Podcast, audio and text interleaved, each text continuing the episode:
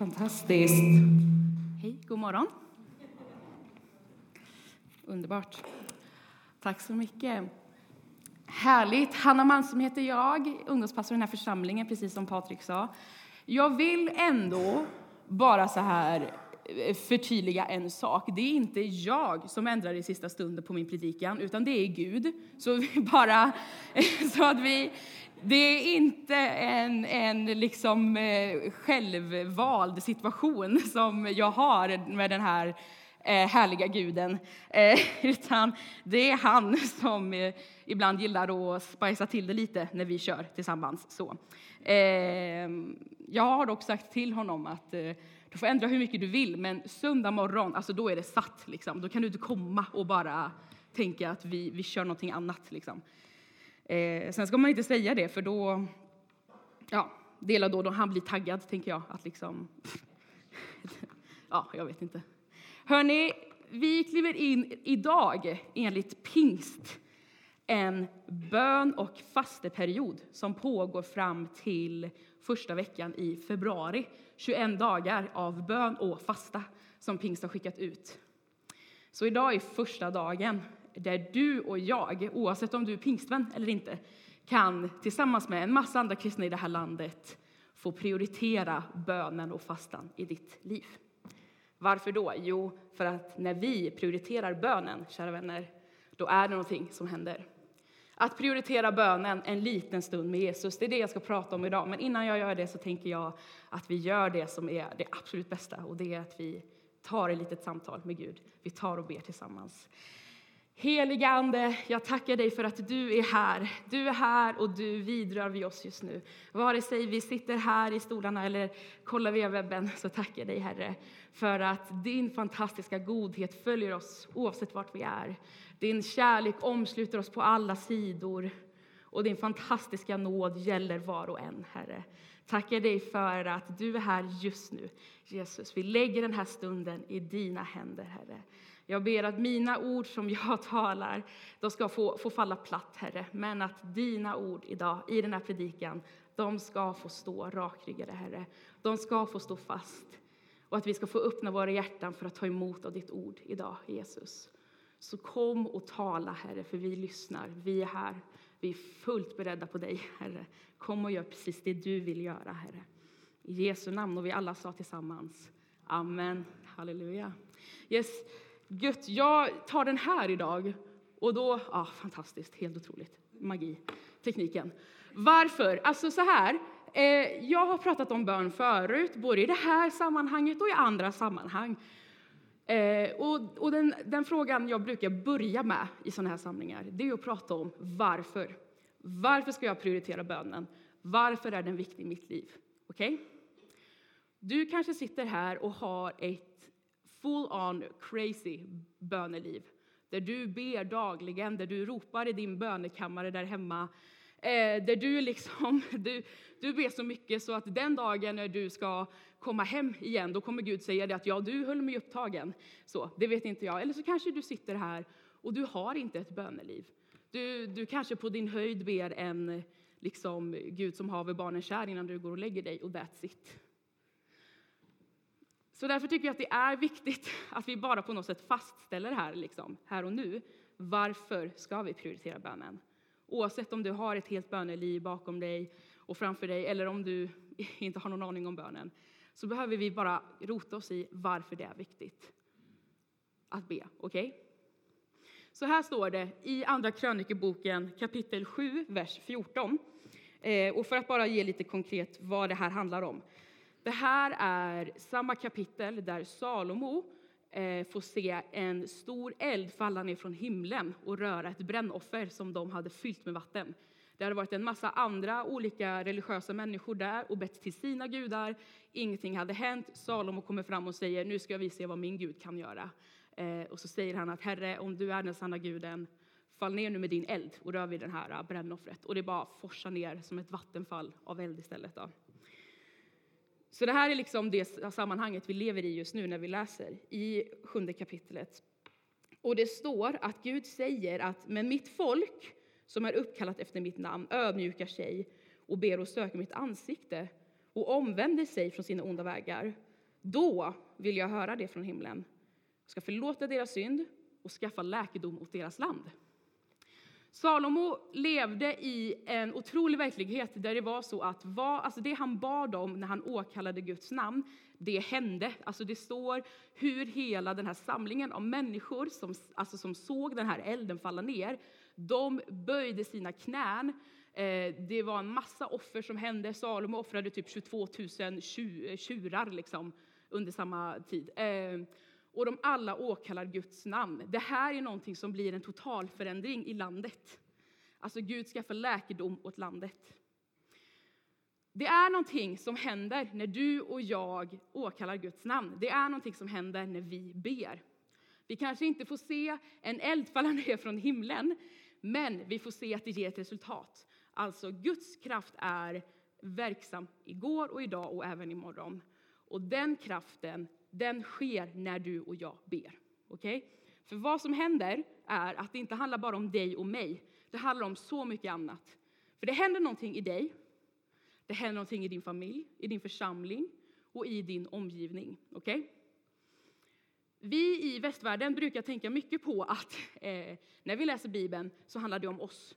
Okej, hur kan jag ta till mig det här för att jag ska kunna få växa i min tro så att jag kan få se mitt liv förvandlat? Men det är bara en av punkterna. Okej? Om du till exempel går till eh, Mellanöstern, eh, jag var där i två månader på missionsresa och fick träffa kristna som lever i ett land där det är, eh, det är dödsstraff om du är kristen. Och när de läser Bibeln har de en helt annan tanke på hur du ska läsa Bibeln. De läser det inte för att själva få växa, utan de läser det för att först och främst hur ska vi som församling växa? Och hur ska vi sen ta det ut till vår omgivning? Det är så de läser Bibeln. Eh, Medan vi läser oftast, okej okay, hur ska jag ta till mig det här? Och det är inte fel, jag tror på, på, en, eh, på en egen växt, liksom, tillfälle så när vi läser Bibeln. Men det är en del vad som händer när du börjar prioritera bönen i ditt liv. Det är en del. För Guds kraft är så stor så att när du ber så handlar det inte bara om dig. För det är någonting som händer i dig, du får ditt liv förvandlat. Men din församling, det händer någonting i din församling också när du börjar be. Det händer någonting i din familj när du börjar be. Och, vilket jag tycker är häftigast, det händer någonting i din omgivning. Vare sig du går på ICA, du är på din arbetsplats eller jag vet inte, pluggar i skolan. Det händer någonting i din omgivning när du börjar be. Varför då? Jo, för så stor är Guds kraft. Så stor är bönens kraft till Gud. Hänger vi med? Underbart, fantastiskt. Tänk om ni hade sagt nej. Eh, ja. Eh, men jag tycker, jag tycker det, så, det här blev en revolutionerande faktiskt del i mig när jag insåg det. Att, att det sättet du och jag läser Bibeln på, det är faktiskt inte så vanligt med om man kommer ner till Mellanöstern. Alltså, och de har ju den arabiska kulturen, alltså i Israel, liksom, där, där vi också ser hur de läser Bibeln. Det, det, där har de verkligen ett helt annat tänk. Hur kan vi, hur kan vi växa i det här? Hur kan vi få växa i det här så att vi ser hända någonting i vår omgivning? Om du och jag skulle börja göra det, då tror jag att det skulle hända någonting i Tibro. Inte jag, utan vi. Vi är skapta till en kropp, hörni. Så stark är bönens kraft. Det sker välsignelse, precis som vi läste här, att, att, liksom, att Gud kommer höra bönen, han kommer höra liksom, ropen efter honom. Och han kommer förlåta deras synder, han kommer välsigna dem, han kommer ge dem läkedom. Det står i Första krönikeboken 21 att David hörde Guds röst och lydde den. Han gjorde som Gud hade sagt. Och vad då? Han såg att det blev till välsignelse. Nu ska vi ta en liten historia här igen. Eh, att när David liksom prioriterar att göra det som Gud säger att han ska göra. Eh, ursäkta, jag höll på att nysa. när David prioriterade att höra Guds, alltså höra Guds röst och lyda den så såg han att det blev till välsignelse. Inte bara för sig själv utan även för de som är runt omkring honom. Vi ser i Matteus 6 och 6 att det vi gör för att vi vill och tror på, inte för att få beröm eller ära, det är sånt som Gud ser och välsignar. Okej? Okay? Vi har två bibelord här. Så här är det, hörni. Jag eh, ska berätta bara en personlig grej som hände när jag gick på gymnasiet. Eh, jag hade börjat ta bönen på allvar i mitt liv. Jag var ungefär 16 år gammal. Eh, och jag hade hittat ett sätt som funkade för mig. Okay? Jag brukade skriva lappar med olika personers namn på. Så liksom, mamma och pappa hade en lapp, eh, min stora syster och min bror och liksom, eh, min församling. Och så hade jag lite människor och alla hade varsin lapp och så hade de punkter eh, på var vad jag skulle be för. Så ibland så kunde jag be för tio lappar, ibland bara en. Men oavsett, så varje dag så hade jag ett konkret sätt där jag valde att be. Och där jag valde att be, inte för mig själv, utan för människor i min omgivning som Gud hade lagt på mitt hjärta. Och jag gjorde inte detta för att få beröm. Det var ingen som visste att jag gjorde det här. Jag gjorde det här i mitt sovrum liksom, på kvällen. Eh, men vad det var jag kunde se hända, det var att mitt hjärta växte, alltså min längtan växte till Gud och mitt hjärta växte för människor. Eh, och det var väldigt häftigt att se hur jag helt plötsligt kunde börja stryka punkter på listan. Varför då? Jo, för jag hade sett att Gud hade gjort det jag hade bett för. När vi gör saker för att vi tror på att det är riktigt, vi tror på att bönens kraft är verklig, vi vill ha det nära vårt liv, då ser Gud det. Inte för att vi ska vara duktiga, utan för att vi vill. Och då kommer han att välsigna det. Det finns löfte efter löfte i Bibeln på att när vi väljer att prioritera Gud, när vi väljer att lägga ner liksom vår tid på bön, så ser han det och han välsignar det och han svarar oss. Det står i första Johannes att den tilliten har vi, att vad vi än ber om, om det är i hans namn, efter hans vilja, så kommer han höra det. Så att grejen är ju den att vad jag tror skulle kunna förändra ditt liv, men också din församling, din familj, din omgivning, det är när du och jag på ett enkelt och konkret sätt prioriterar bönen. Det står luft efter lufte att Gud hör det. Vi kan se också gång på gång i både Gamla och Nya testamentet i Bibeln att när människor fick sina kallelser, oavsett vad det var, så var det tillsammans i bön med Gud. När Mose får se den brinnande busken eh, så tar han av sig sina skor och han har ett samtal med Gud. Han är uppriktig med Gud, ärlig med Gud. Han säger att det är inte jag som ska göra det här som du har kallat mig till att göra, för jag är för liten för det. Liksom. Och Gud säger, amen, jag ska gå med dig och göra det. Och Moses villighet, hans konversation med Gud, hans uppriktighet, han blottar sitt hjärta, säger jag är inte killen för jobbet, jag är inte tillräckligt duktig. Men han gör det ändå. Liksom. Han väljer att lyda Gud och det resulterar i att han får se det israeliska folket bli fria från Egyptens slaveri som de har varit i hundratals år. Eh, han får ett löfte om att de ska få kliva in i det förlovade landet. Han har alltså haft, och vi ser då under hans kallelse, alltså under de tiderna i, i liksom Moseböckerna, att, liksom, att han har prioriterat bönen. Han har samtal efter samtal med Gud. Och det finns gång på gång personer som har prioriterat bönen. Till och med Jesus, som är Gud själv i mänsklig form, prioriterade bönen. När han gjorde sina uppdrag, när han gjorde sin kallelse, så prioriterade han att gå undan vart som helst och be till Gud. Och han fick se ett resultat. Mose fick se ett resultat. Josef fick se ett resultat. Abraham fick se ett resultat. Eh, alltså det finns gång på gång personer som får se ett resultat. Jag tror att, att vi kan ha förhoppningar på Gud. Jag tror att du och jag kan ha en förhoppning på att, att när vi väljer att be, när vi väljer att söka Herren, så kommer vi få se någonting hända. För så stor är hans kraft. Okej, okay? amen. Jag gillar att prata om huret. Jag gillar att ha praktiska tips. Det kommer lite senare. Eh, för som sagt, jag var 16 år gammal och men jag kände att liksom, anden la på mitt hjärta bönen. Liksom. Eh, så, så jag började be. Men hur? Hur ska vi be? Alltså, vår fader som vi ser i Matteus är ett väldigt så här, konkret sätt att hur vi ska be. Men jag tror att det finns så mycket andra sätt du kan be på också. Det står i Psaltaren 145 att Herren är nära alla som ropar till honom. Du behöver alltså inte ha en specifik plats eh, utan jag tror att bönen kan få vara i ditt hjärta. Liksom. Och där kommer du få se någonting hända oavsett vart du är.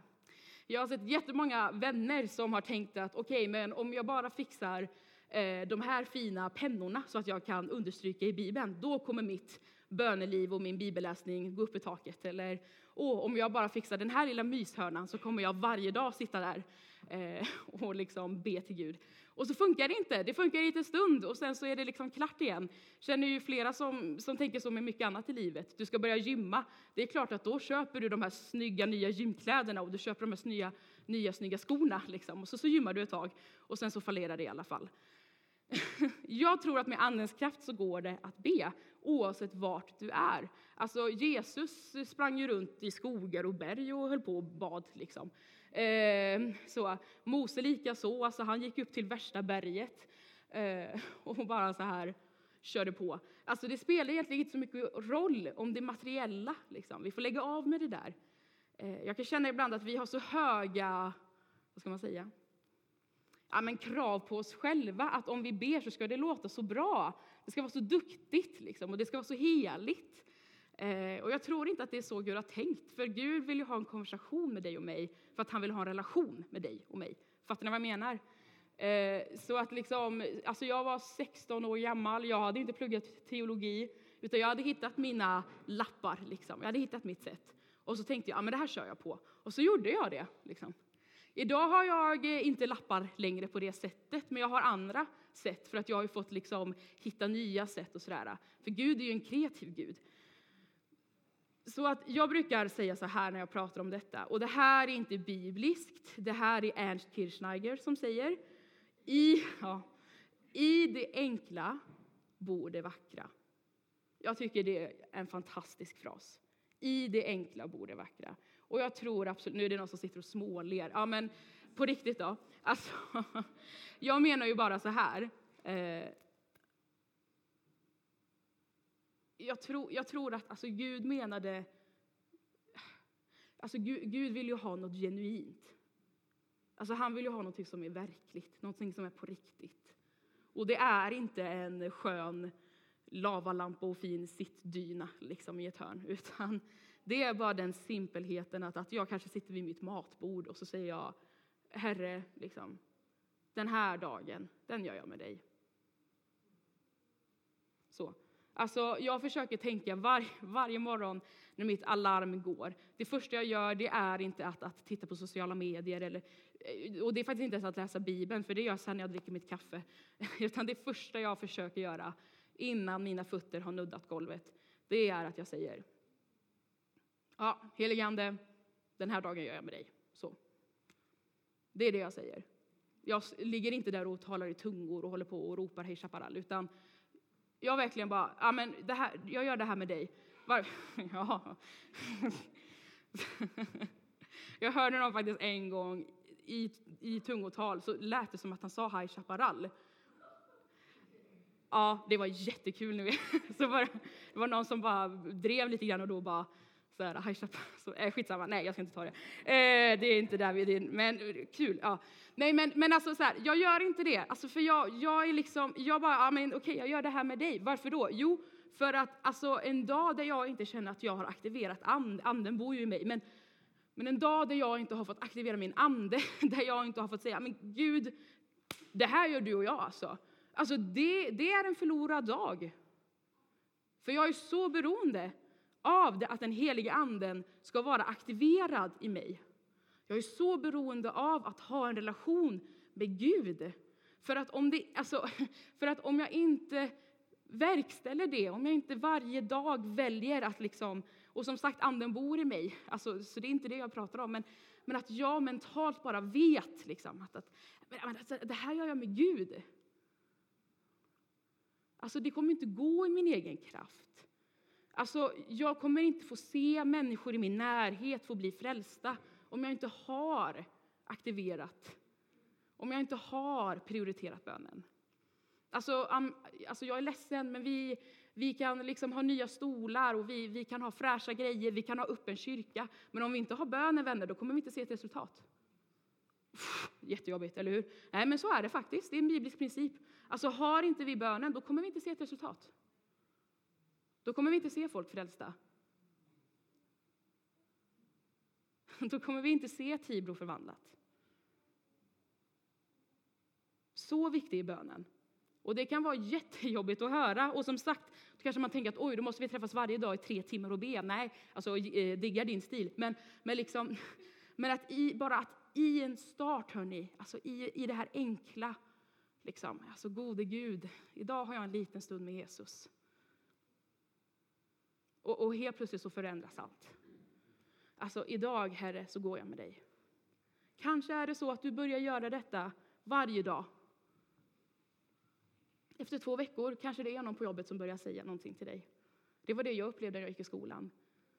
Helt plötsligt kunde, kunde en lärare komma fram till mig och säga det att liksom, Hanna, varför är det så att i klassrummet så är, det, så är det du som skiner på något sätt?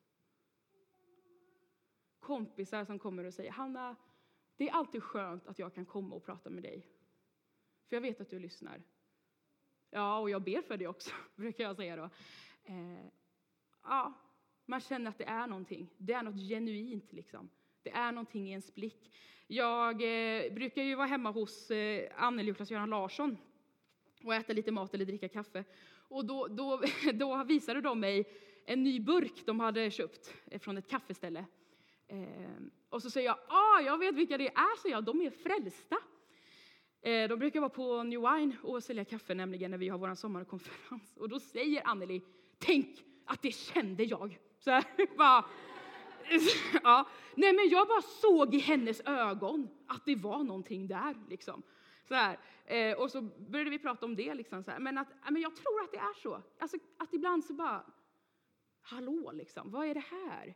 Vad är det här i den här personens atmosfär, i den här personens liv liksom, som jag vill ha? Alltså det är helige ande, hörni. Vi ska dofta av himmelriket. Coolt, va? Eller? Alltså, varför, varför är det så att när jag ser på dig så ser jag någonting, någonting som jag vill ha? Ja, men för att vi prioriterar bönen, vänner. Vi är Guds församling. Vi prioriterar bönen, vi tror på bönens kraft. Vi ser ett resultat. Och även så att i vår svaghet så hjälper Anden oss. Romarbrevet 8, vers 67. Nej, 67? Nej, 27. Tack. Vad kul att du är här. Ja, det är så roligt att se dig. Ja. Så hjälper också Anden oss i vår svaghet. Vi vet inte vad vi borde be om. Men Anden själv vädjar för oss med suckar utan ord. Även de dagarna då du tänker att okej, okay, men då ska det vara enkelt. Och så vet du ändå inte vad du ska be om.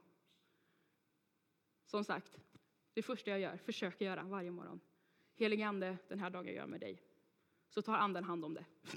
Och det låter lite dumt. Alltså så här, ja, ja, då är det det enda vi ska behöva göra. Nej, men såklart att vi kan alltid växa i vårt böneliv. Men, men tänk vad skönt att veta att de dagarna då du kanske känner att alltså det här med bön, ingen aning. Nej, men alltså, bara säg helige Ande så löser han resten. Så gött är det. Fattar ni? Ja, fantastiskt. Vad fint att ni ändå sitter och nickar och liksom hummar så här. Då känns det ändå som att vi är på G här, hörni. Praktiska tips.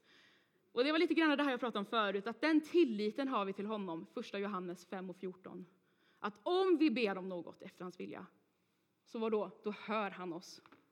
Att börja, som sagt, och det är ju Ernst här nu, i det enkla borde vackra. Gör det inte svårt. Att sedan att fortsätta hitta nya sätt som inspirerar dig. Andens vägledning. Gud är en kreativ Gud alltså. Hitta ditt sätt. Vare sig det är att du är ute och cyklar, Patrik älskar att cykla liksom. Alltså då, eh, gött va, att bara ta och cykla lite och be till Gud. Absolut. Ehm, Pelle brukar, när han kör till Gnosjö så brukar han sätta på Bibeln och, och be liksom. Så här fantastiskt. Tänk att bara sitta i bilen och be. Liksom. Och då kan du skrika hur högt som helst, för det är ändå ingen som hör dig, så känn dig fri. Um, det är sant, säger du. Men också det här nu, och det är den här jag bara vill, liksom, att föra vidare. Att börja att fortsätta att föra vidare. Du och jag är skapta till gemenskap. Som sagt, det handlar inte bara om att det är du det är du och jag som ska få våra liv förvandlade. Utan det handlar om att i vår församling, i våra familjer, i vår stad, i vår omgivning så ska någonting få hända. Där två eller fler är samlade. Vi är gemenskap. Vi har fantastiska tillfällen den här veckan eh, där vi har ekumenisk bönevecka, där det finns möjlighet för dig att kunna prioritera bönen. Att kunna gå på olika samlingar, och de finns som sagt på hemsidan ute, där du och jag kan få prioritera bönen den här veckan. Vi har annars, eh, förutom den här veckan, så har vi annars liksom vanliga tillfällen varje tisdag, varje onsdag, där du kan få vara med och be. Där du kan få vara med din församling och be i ungefär en timme. Och det är fantastiska tillfällen. Det var faktiskt så att vi, eh, det var en kvinna som kom och berättade att hennes bror behövde helande. Så vi bad för honom och så bad vi, vi liksom tilltalade med hans namn, liksom. alltså att han skulle bli helad i Jesu namn. Eh, och han blir helad. Eh, det är ganska coolt, va? Eller? Alltså, eh, och jag har varit på andra bönesamlingar också, där vi bara fått be om saker och så har det hänt. Alltså jag har fått vara förebedjare ibland på konferenser och läger och så har vi bara sett saker hända. Vi har, vi har något som heter Segolstorp, eh, som vi har tillsammans med andra församlingar i Skaraborg, eh, där vi träffas och har ungdoms, eh, ungdomsläger i augusti. Eh, och förra året, så, första kvällen, så, så talade vi om helande. Att, bö, alltså att heliga ande är så kraftfull så att när vi ber om helande så kan det hända. Och vi brukar säga att på Segolstorp så brukar det vara lite startsträcka för ungdomarna. Att de kanske inte kommer så många till förbönen första, andra kvällen, men att de kommer sen, ni vet. Så i slutet av veckan är de pang på.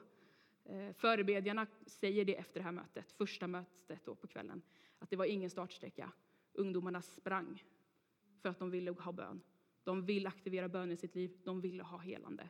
Och vi fick se ungdom efter ungdom få bli helade. Och jag fick eh, ett samtal av en mamma, eh, eller Maria fick ett samtal av en mamma som vad heter det, berättade att den här kvällen då, eh, när vi hade talat om helande, så, så vågade inte han be. Eh, han var själv liksom sjuk och behövde helande i sin kropp. Eh, och han vågade inte be. Men så tänkte han att men jag kanske kan be för någon annan. Så han bad för sin kompis som blev helad.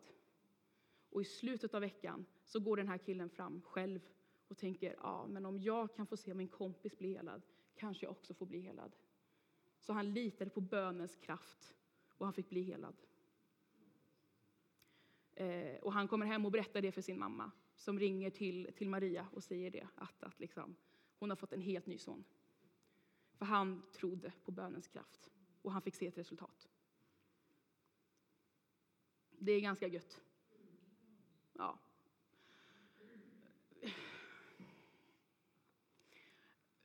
Vad, vad, som hände var för mig när jag på gymnasiet, där, första året på gymnasiet, började ta bönen på allvar. Det var att jag fick komma in så mycket djupare in i Guds kärlek på något sätt. Alltså jag upplevde den mycket djupare. Och även andra gåvor som Gud hade lagt i mig, som jag inte hade någon aning om fanns.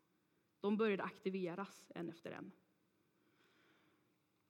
Jag tror, eh, jag bara, det här har inte jag skrivit ner, utan jag upplever det nu. Liksom. Alltså jag tror att, att du har gåvor i dig, du som sitter här. Och, och liksom... Ja, men, men alltså, och du vet inte ens att de finns där. Alltså Gud har lagt ner talanger i dig som inte du vet om. Och jag tror att sättet att få reda på dem, det är verkligen när du och jag tillsammans börjar prioritera bönen. Så tror jag att Gud en efter en kommer visa de här gåvorna för dig. Det skapar en frimodighet när vi börjar be, hörni. En frihet, för där anden är, där är det frihet.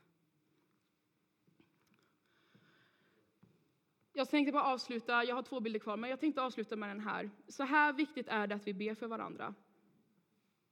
För att du och jag har ingen aning om vad som händer i varandras liv. Okej? Okay? Men att när en person känner att det börjar bli jobbigt, att marken försvinner under en, ja, men då finns det kanske fler bakom som ber. Alltså så den här stocken som de håller i ska liksom symbolisera bönen. Att när vi ber för varandra då kan vi få se hur vi lyfter varandra, även i det jobbiga. För så stark är bönen, för att den inte bara handlar om dig, utan också om så mycket andra människor. För så stor är Guds kärlek. Så stark är den makten i bönen.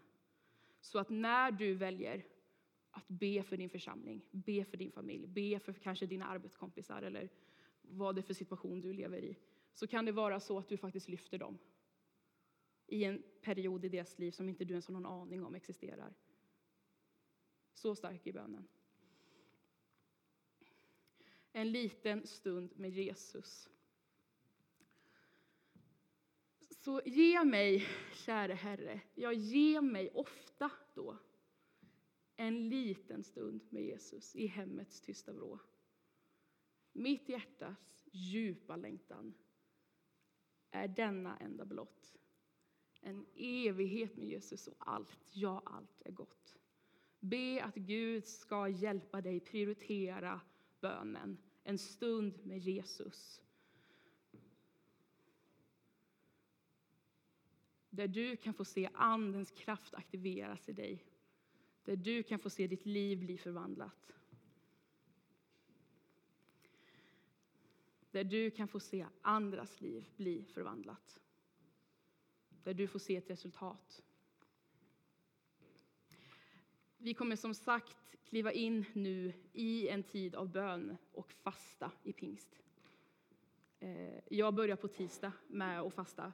Är det så att du vill göra detta tillsammans med mig som församling så välkomnar jag dig att göra det. Och då får du göra det på ditt sätt. Det finns olika sätt vi ber, det finns olika sätt vi fastar på.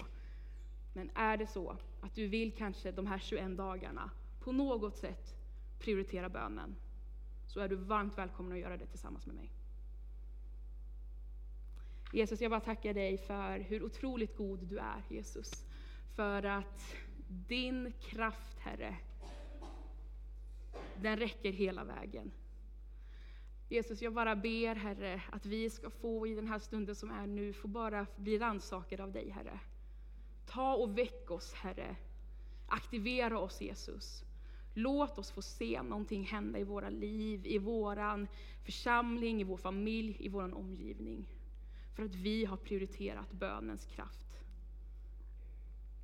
Hjälp oss Herre att få se de där små stunderna i vardagen där det finns en plats för bönen, Herre.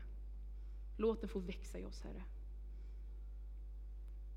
Låt oss från och med idag få påbörja en ny böneresa med dig, Jesus. Kom heligande. Amen.